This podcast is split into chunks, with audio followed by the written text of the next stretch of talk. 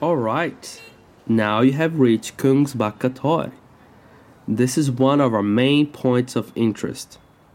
In case you find the church benches in the open, please make yourself comfortable in those relict wooden benches. I think they are great.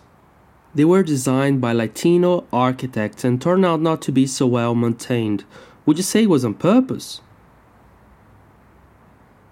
The story goes that they once were designed to help people to organize public forums, as once the church there provided some of that space, with its protocol, of course.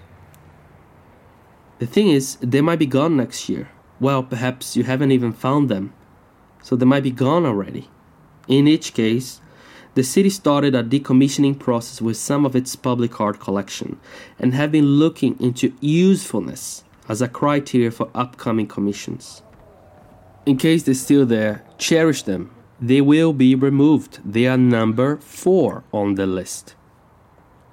If you recall what I shared earlier, once we visit Vollenpath, the design of future public forums and meeting spaces make also a big part of a quota for the urban development project that the city has been joining. There should be a page on the city's official website welcoming ideas on how to further develop such critical meeting spaces. If you have an idea, please submit it there and lead the way for change within the local community. So, extending our reflections, speculations, and projections for the square, not only the benches, but everything here might actually be changing rapidly in the following months. The usual once in a month, every Thursday open market will be transformed in what some people are calling already the Feast of Kungsbacka. On the very last Saturday of every month, the city will be welcoming as never before migrant culture from all its corners or margins.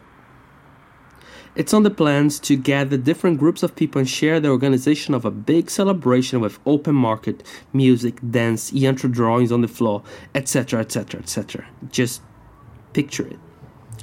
All culminating in a big feast acknowledging the people now living and further shaping this place.